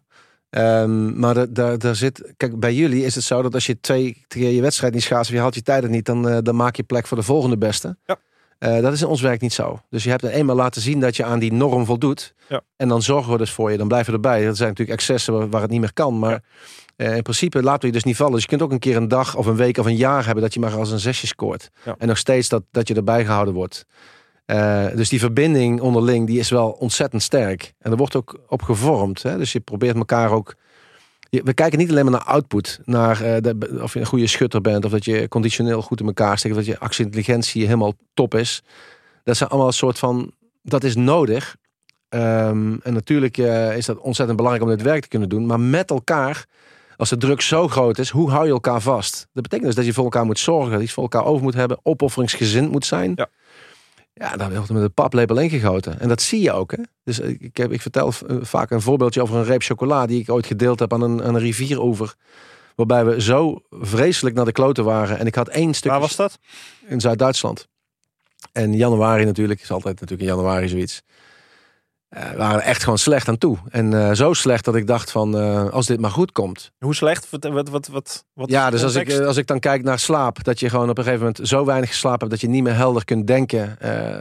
Echt de, gewoon qua communicatie, er, er langs praten, dus alles irriteert meteen. Dus die, die groepsdruk die staat gigantisch onder spanning. Dus als je een soepje naast elkaar eet, dan klinkt het meteen als slurpen. En dan heb je de neiging om dat om die irritatie te uiten. Maar wat je dus daar leert is dat dat, dat soepje, dat, dat slurpt niet zo. Of die jongen, dat, dat, hou het bij jezelf. Dus jij irriteert je. Dus dat allemaal, dat leer je, dat is echt dat, dat Ja, je hebt een soort metacognitie. Je hebt, je hebt Ja. iets in jezelf dat naar jezelf kan kijken in die situatie. ja, En je komt in een situatie waar waarschijnlijk ik als topsporter nooit kom. Of waar, waar een, gemiddeld mens nooit komt. Maar dit is eigenlijk in, een, een, in die zin een totale bijna uitputtingsslag. ja, Maar je kan wel, je traint eigenlijk je, je, je hersens, je cognitie om jezelf te herkennen in die ja, situatie. maar dat gebeurt dus automatisch. Want het- het- wat je leert is dat het geen zin heeft om die irritatie te uiten. Omdat Ja. daar- daarmee krijg je een groepspanning die ineffectief is. Ja, maar diep van binnen wil je, is dat wat, wat er toch heel erg speelt. Ja, dus wat je gaat leren is accepteren. En je leert het te relativeren. Je leert er humor omheen te ontwikkelen. Hè? Want alles stinkt ook natuurlijk. Hè? We zitten vaak met elkaar onder de grond.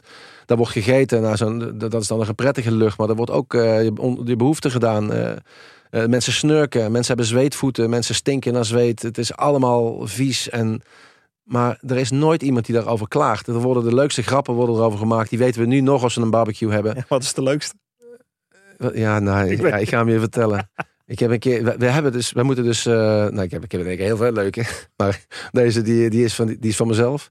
Ik zit samen met Gijs eh, Tuinman, dat is de ridder Ja. militaire Willemsorde, onder de grond met nog twee jongens.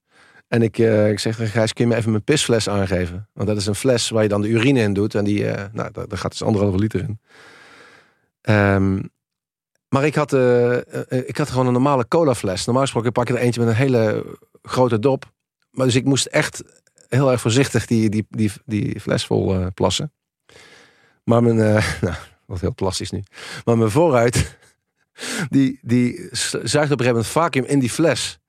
Dus er ontstaat dus een enorme bel urine onder mijn vooruit. Ja, die kan maar één kant op moment. Dus dat ding dat schiet eruit en echt alles zat onder de zeik. En Gijs dus ook. Nou, ja. maar dit verhaal, het is natuurlijk niet fris. En dat, op dat moment hou je die irritatie dus ook niet bij, hè? Maar dat, eh, ja. Maar lach je er dan keihard met z'n allen om? Ja, tuurlijk. Ja, tuurlijk. Ja, Ja, ja. ja. En het is, eh, ja, het, het, het, het wordt dan nog een beetje viezig, maar Ja, ja. heel veel meer ook niet. Maar in die situatie zit je... ehm, en daar, daar leer je jezelf eigenlijk echt kennen? Of elkaar Nou ja, ik echt was- kennen? als het- Is, dat, is dat gewoon waar het, Nou, wat- waar het ego helemaal afgebroken wordt als het ware... en waar je eh, elkaar moet Nee, wat, ik, ik was leidinggevende van vier mensen toen. eh, toen we daar zaten. Nou, ik, ik vertelde iets over slaap. Het eten was op. Weet je, wel. je gaat dus echt naar ammoniak stinken. Je bent je spieren aan het verbranden. Je, bent, je, je raakt gewoon echt lichaamstemperatuur. Je bent continu aan het rillen.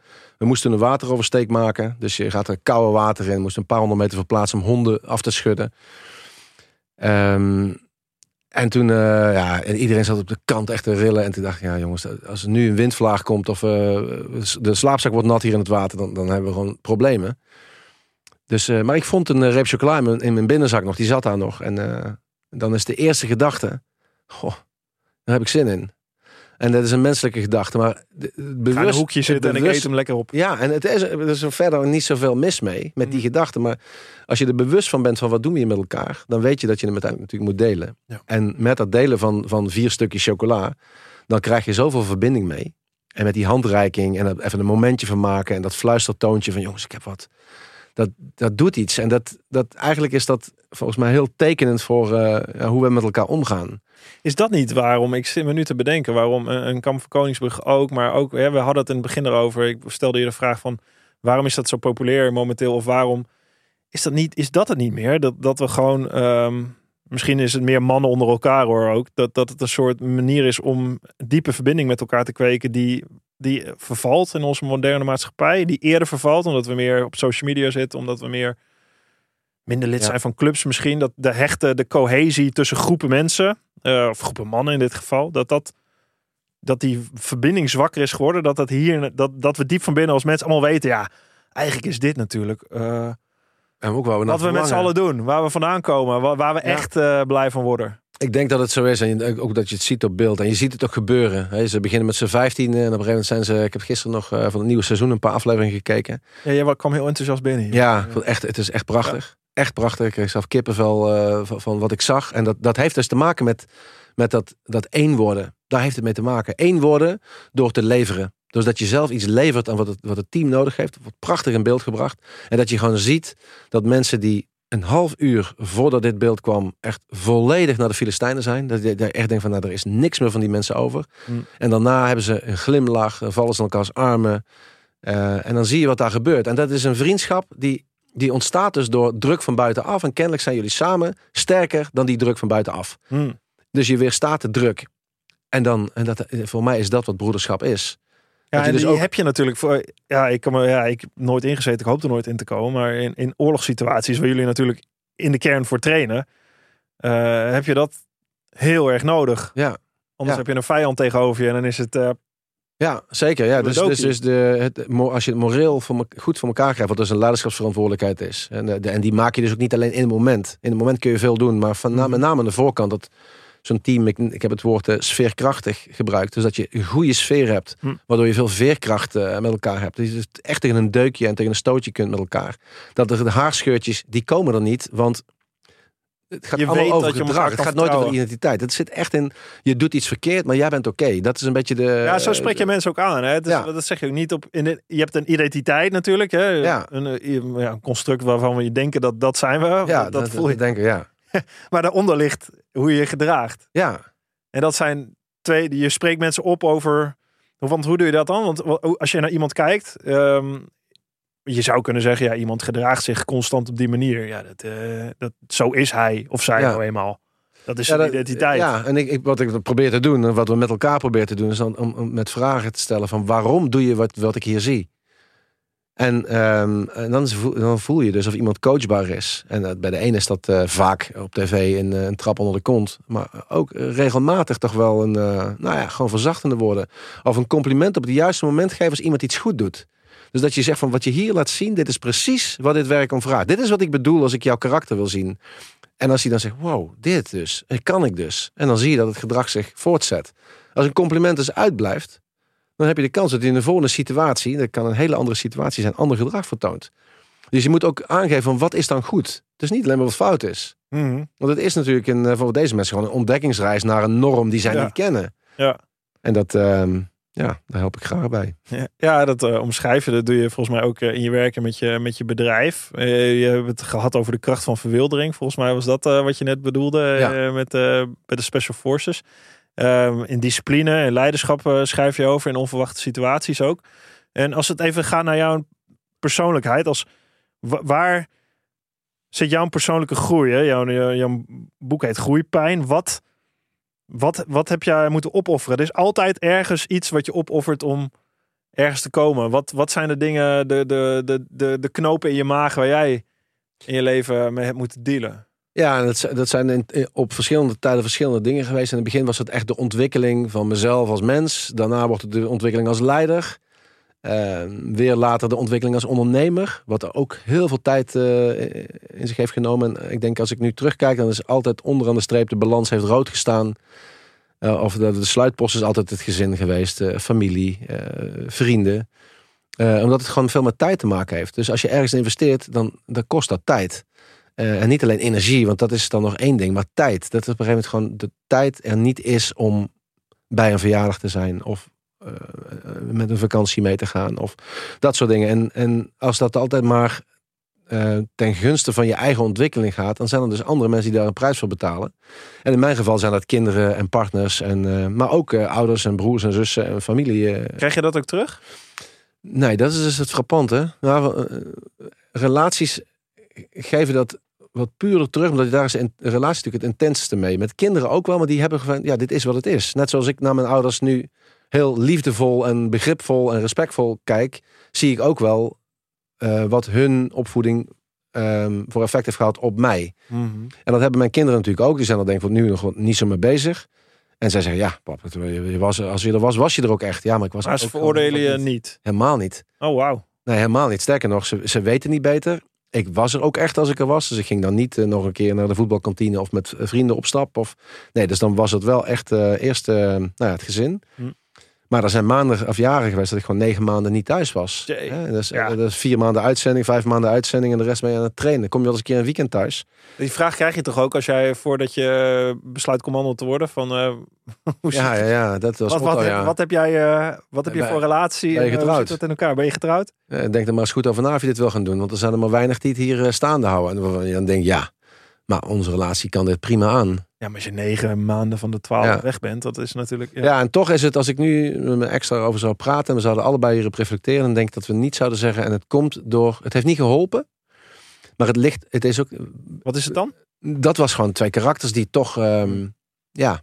Hebben je groeit wat makkelijker uit elkaar... Als je, als je dus ook niet zoveel bij elkaar bent. Ja. En ik denk als je een hele nou, goede match bent als, eh, als man en vrouw... Dan, dan kan er dat gewoon overwinnen. Want er zijn daar relaties genoeg die het gewoon...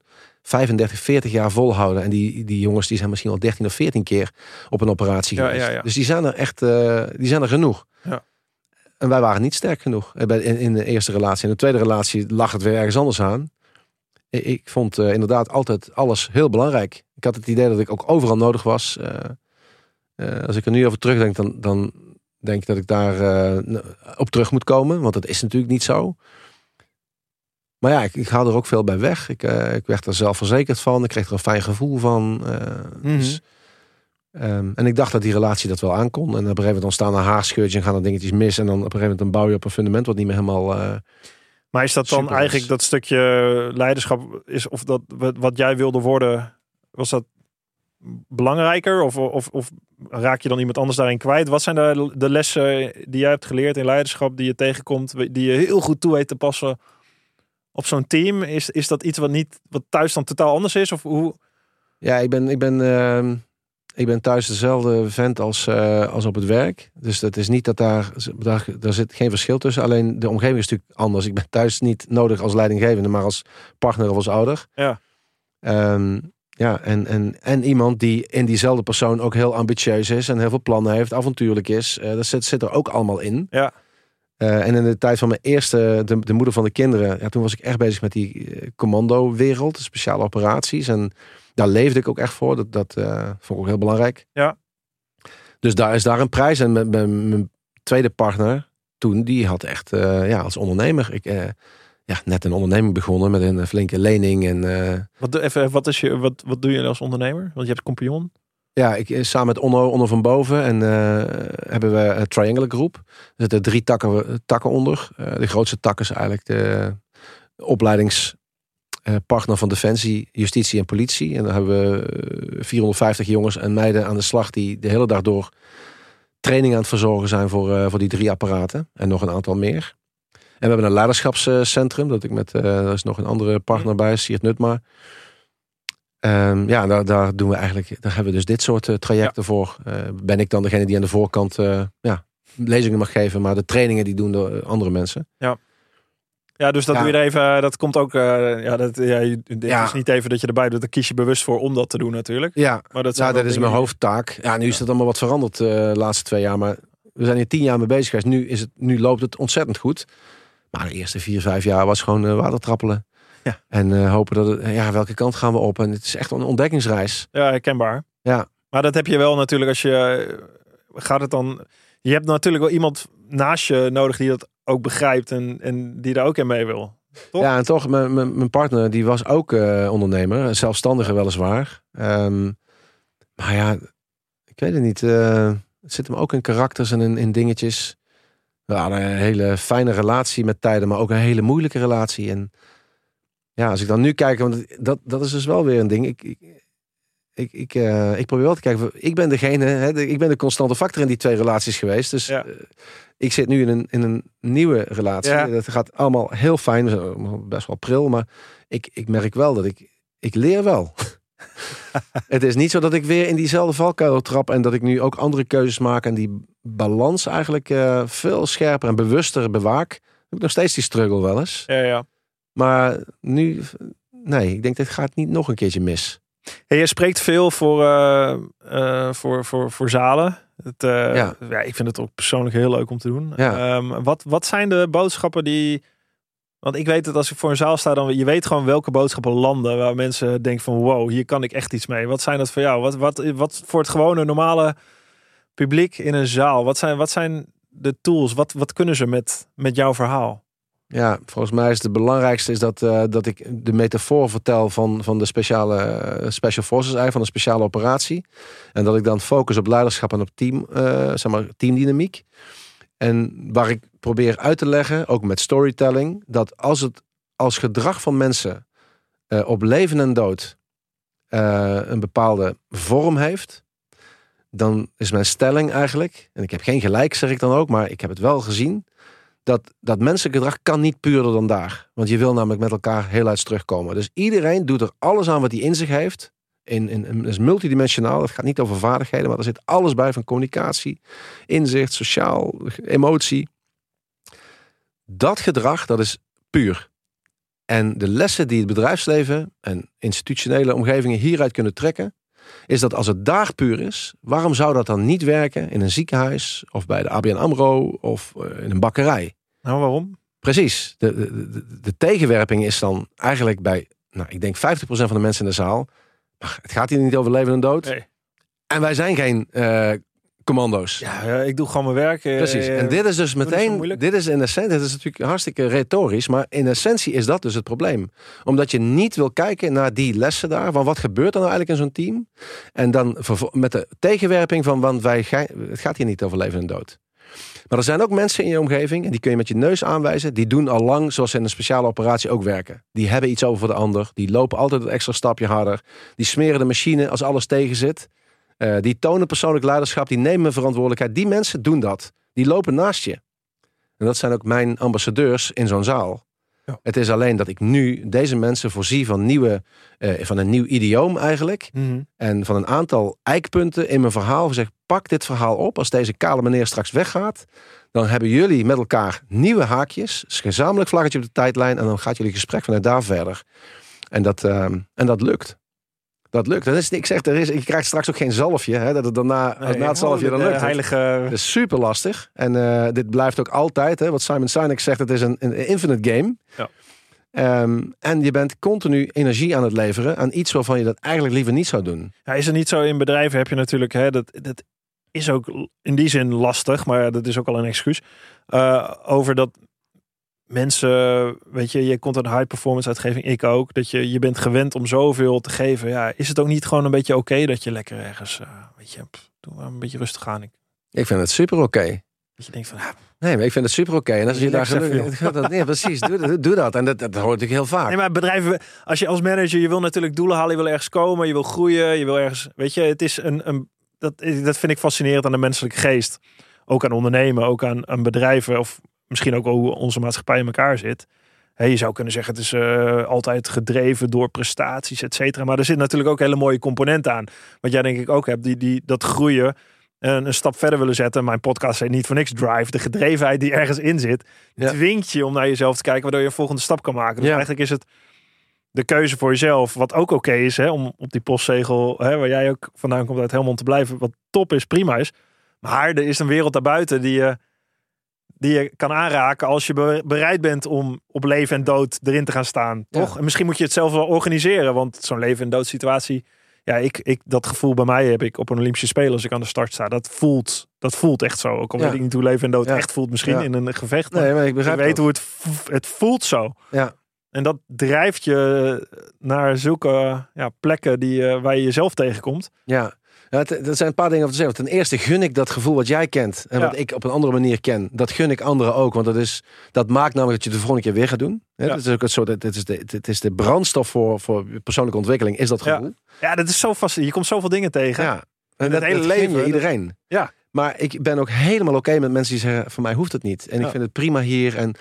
En dat vind ik ook prima. Maar dan isoleer je eigenlijk eh, zo'n opmerking wel vanuit een soort wens van... maar ik wil wel graag... en dan komt er iets achteraan. Dus, Precies, dus ja. voor, voor iets wat jij eh, hè, Ja. wenst of droomt... Daar, daar hoort energie aan de voorkant in te gaan. Ja. Dus die twee kun je niet loskoppelen. Nee, je kan eigenlijk niet zeggen. Je, je kan zeggen, ik blijf er zitten. Maar dan, dan moet je eigenlijk je dromen of je wensen waar je eigenlijk heen zou willen ook loslaten. Ja, of Dat niet, hè? maar dan word je een gefrustreerd eh, mannetje of vrouwtje. Want dat, dat werkt niet. En dat is ook wat je dus ziet gebeuren. Dus er zijn mensen die daar, die dus niet het geluk vinden van in die rust, eh, nou ja, gewoon, hoe zeg je dat, berusten in, eh, in de gedachte van, nee, ik vind het prima. Ja. Dat is ook hartstikke goed. Dan doe dat gewoon lekker. Ga lekker om acht uur s ochtends met je broodtrommeltje doen wat je moet doen. Kom vijf uur s'avonds thuis.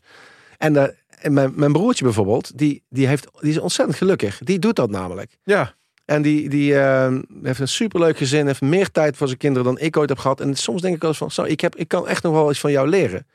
Eh, een Ja. heleboel waar het, waar het gaat over eh, balans en rust en, en geluk. Want die, die, ja, die heeft een heel fijn vriendenleven. Eh, ja, is super gelukkig.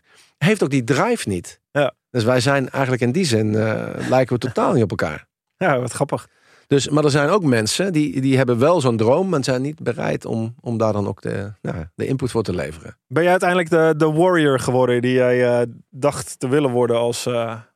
Ja, de- zeker. Dat denk ik dat er zeker ben. En eh, dat is eh, maar op een jaar of 30, 31. In het moment wat ik net beschreef in die commandoopleiding, daar heb ik wel dat gevoel gehad van, nou, er kan gebeuren wat er gebeurt, maar dan heb je nu even de verkeerde voor je.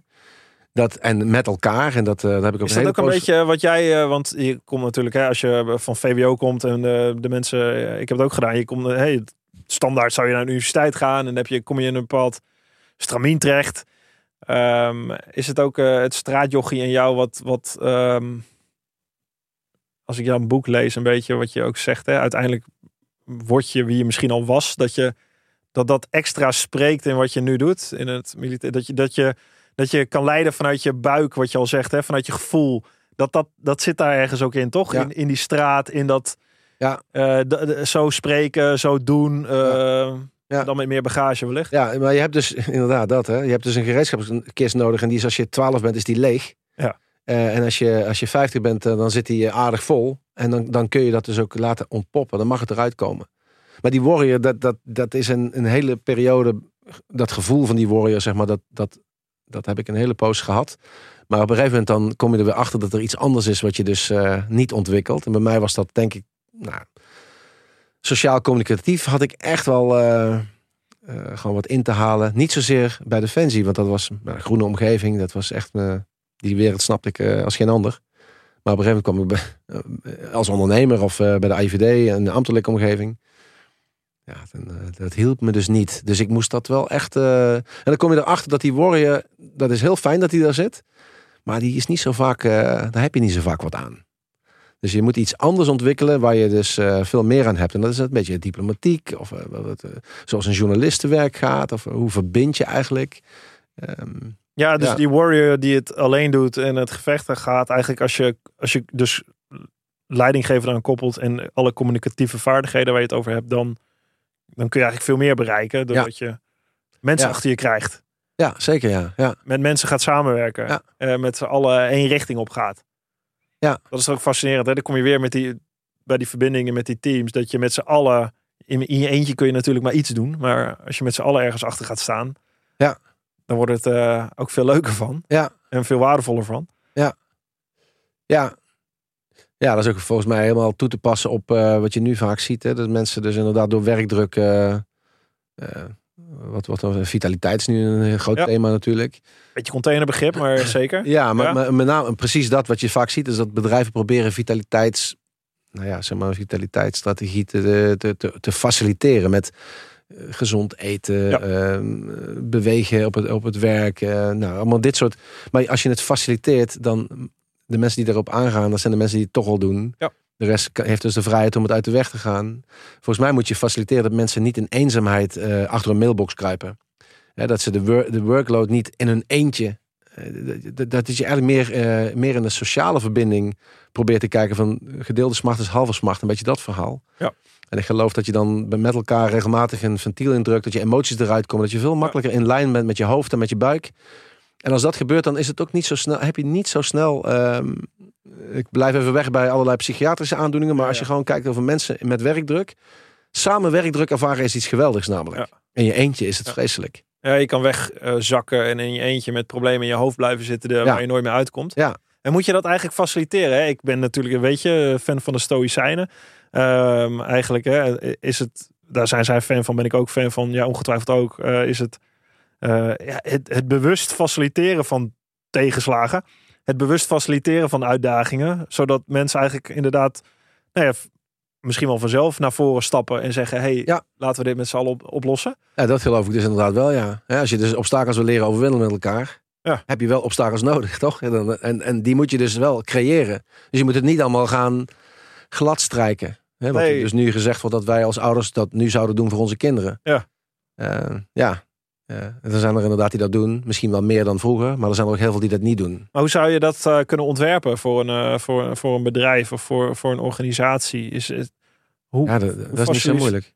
Ja, nee, dat is niet zo moeilijk. Je moet ze uit, de, uit hun eigen omgeving trekken. Daar, Ja. Mhm. daar waar ze zeg maar, de output normaal gesproken, le- gesproken leveren. Dat dat even losgekoppeld wordt van de teamdynamiek. En dan breng je ze in een omgeving. Dat kan gewoon in een conferentieruimte zijn. Dat mag ook in een bos. Of op een sportbaan. Eh, dat kan in, in, in drie uur. En dat kan ook in drie weken. ja, Ehm, maar wat je in elk geval moet zorgen is dat, ehm, dat de situatie waar ze eh, voor komen staan, dat ze die niet alleen op kunnen lossen en dat ze elkaar nodig hebben. En meer Ja. hoef je niet te doen. En je moet gewoon goed kijken wat er gebeurt. Dus als ik als trainer daar sta, ben ik eigenlijk alleen maar aan het kijken en aan het luisteren. En eh, laat het maar gewoon gebeuren. Ja. En op momenten dat je denkt van nou, nu hè, kan ik een punt maken. Ja. Dan reflecteer je met elkaar door een vraag te stellen. Of misschien tien vragen te stellen. Eh, en dat gaat altijd over gedrag, nooit.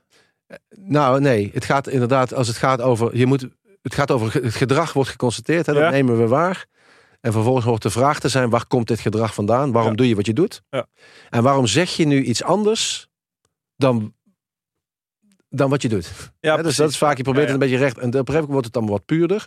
En dan kom je bij de Ja, dus het gedrag, dat constateer je. hey, ik zie dit. Eh, waar komt dat vandaan? Ja. En klopt dat met wie je zegt te zijn? Ja, nee, wat je zegt dat je zou gaan doen. Ja. Hè, dus daar zit een verschil in. En op een gegeven moment dan, dan mag het ook best wel gaan over identiteit. Maar dan krijg je dus, er zitten wat spelregels onder zo'n onder zo'n spelvorm. En een van die spelregels is dat je dit met wederzijds respect en begrip en vertrouwen eh, hoort te doen. En dat kun je niet kopen. Ja. Dus eh, dat moet je met elkaar moet je dat faciliteren. Dus je moet het voorzichtig aanpakken. In een nieuw team doe je het anders dan in een team van schaatsers die al eh, twee jaar met elkaar op pad zijn. Ja. Daar kun je veel meer mee. Dus degene die dit, dit ontwerpt, dat is echt een beetje een architect van wanneer is dit effectief? Ja. Eh, en dat gaat dus ook niet door te zeggen, nou met een één telefonische intake eh, heb ik hier een leuk programma, we gaan de Kilimanjaro op en eh, dan gaat het gebeuren. Nee. Nee. Dus je hebt dus intakes nodig ehm, en weten van wie zit waar, waar zitten, de, waar zitten een beetje de, de oude koeien. Hè, dus die oude koeien die kapen, van, dat zijn de haarscheurtjes. Ja. Hoe, krijg, hoe neem ik afstand van de oude koeien? Enzovoort, enzovoort. Mooi, mooi, mooi. Ja, en kijk waar je gekomen bent. eh. Je, je had het over hè, leiderschap, eh, de communicatieve vaardigheden waar je moest werken. En je maakt nu tv-programma's. Kom voor Koningsbrug. Je eh, laatste tv-programma is live, hoe heet het? No Way Back, dat begint No- zondag. 7, 7 januari. SBS 6. SBS 6. En dan gaan eh, een aantal mensen de bush bushen in, in Noorwegen, toch? Ja, in Noorwegen. Eh, ja, Noorwegen is prachtig. We zitten in Zuid-Noorwegen. heerlijk. Fjorden, fjordengebied. Schaatsland. Ja, ja, ja, je bent er veel geweest, denk ik. Ja, Ja. prachtig land. Prachtig. Rondom het Liesefjord. Ah. toevallig kent. Ja. Daar zitten we. Ja, ja ik ben er zelf niet geweest, maar ik ken het uit, eh, uit de plaatjes. Ja, ja, ja, de mooiste plaatjes die worden daar wel geschoten. Ja, Ja, dan heb je de Prijkenstolen. Dat is de hele grote klif. Ja. 600, 700 meter eh stijl omhoog.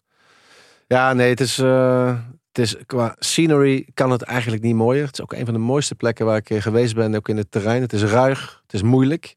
Het is ontzettend veel water. Nou, water is altijd goed voor, ja, om, een, erv- om een ervaring mee te geven van zo. En nu even voor jezelf zorgen. Ja, nee, dus dat- land en, het, en het, het weer doet veel met, eh, met die deelnemers. En zij zijn, eh, dit zijn geen deelnemers zoals in Kamp van Koningsbrugge. Dat zijn echt hele fitte mensen. Ja. Nee, dit zijn gewoon... eh, Ze winnen een prijs, toch? Ja, dat, is dus, dat vind ik dus heel erg leuk. Dat je, je kunt dus geld winnen. Ik heb dat dus... 100.000 euro. Je, je kunt in, in ja, Ja. als het allemaal goed zou gaan, Ja. dan kun je 100.000 euro winnen. Maar ik weet, en daarom doe ik ook mee, want anders had ik niet eens meegedaan. Ik heb helemaal niks met dit soort prikkels. Ja. Eh, dat die prikkel, die, eh, die is leuk als je thuis in gaat schrijven en als je aan het trainen bent. Maar zodra er de eerste bui op je dak komt en je vuur doet het niet. En eh, er komt iemand met een kopje thee naar je toe. Dan is dat kopje thee zoveel meer waard dan die 10.000 euro die je in het volgende stapje kunt verdienen. En dat vind ik gewoon lekker om dat te kunnen laten zien. Want dit is namelijk zoals het is. Die warme jas die iemand je toereikt. Die droge slaapzak waar je in mag gaan liggen. eh, dat, dat hutje wat wel goed is. Dat je er even bij mag. Ja. Dat is waar het om gaat. En zeker als, hè, als er externe omstandigheden tegen zitten. Geld is niks.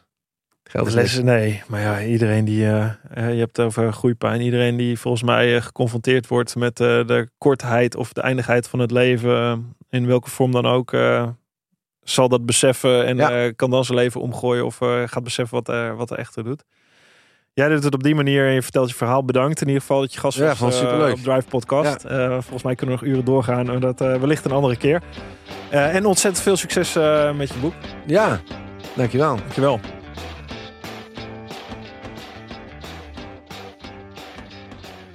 Dank voor het luisteren naar mijn Drive podcast. Je vindt mijn aflevering op Spotify, iTunes, YouTube en mijn website marktuitert.nl. Laat me weten wat je van mijn podcast vindt en deel dat via Instagram, Twitter, LinkedIn of Facebook. Heb je suggesties voor gasten? Stuur me dan een DM via die kanaal. Tot de volgende Drive podcast. Goed, Mark.